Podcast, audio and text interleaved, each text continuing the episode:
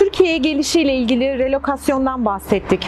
Relokasyon hizmetleri veya relokasyon derken neleri içine alıyor acaba? Relokasyon aslında e, Türkçe'de tam karşılığı olmayan bir kelime. Yeniden bir yere yerleşme şeklinde tanımlayabiliriz. Relokasyon neleri içeriyor? Yabancı bir ülkeye bir personel görevlendiriyorsunuz ve tabii ki personelin ailesi olabilir. Ailesiyle birlikte o belli periyotta bir ülkeye yerleşecek. Burada belli zorluklarla tabii ki karşılaşacak. Bu zorlukların aşılmasında bir nevi destek hizmetleri veriyoruz. Bu hizmetlerin tamamını relokasyon hizmetleri diyebiliriz. Bunlar yabancı personel örneğin Türkiye'ye geliyor. İstanbul'da ya da Ankara'da bir projede çalışacak. Tabii ki öncelikle şehri tanıması adına bir e, şehir oryantasyon turu yaptırıyoruz. Kalacakları evle ilgili evi bulmaları, hangi semtte oturacakları ile ilgili destek veriyoruz. Gerekirse tutacakları evle ilgili ev tutmalarında yardımcı oluyoruz.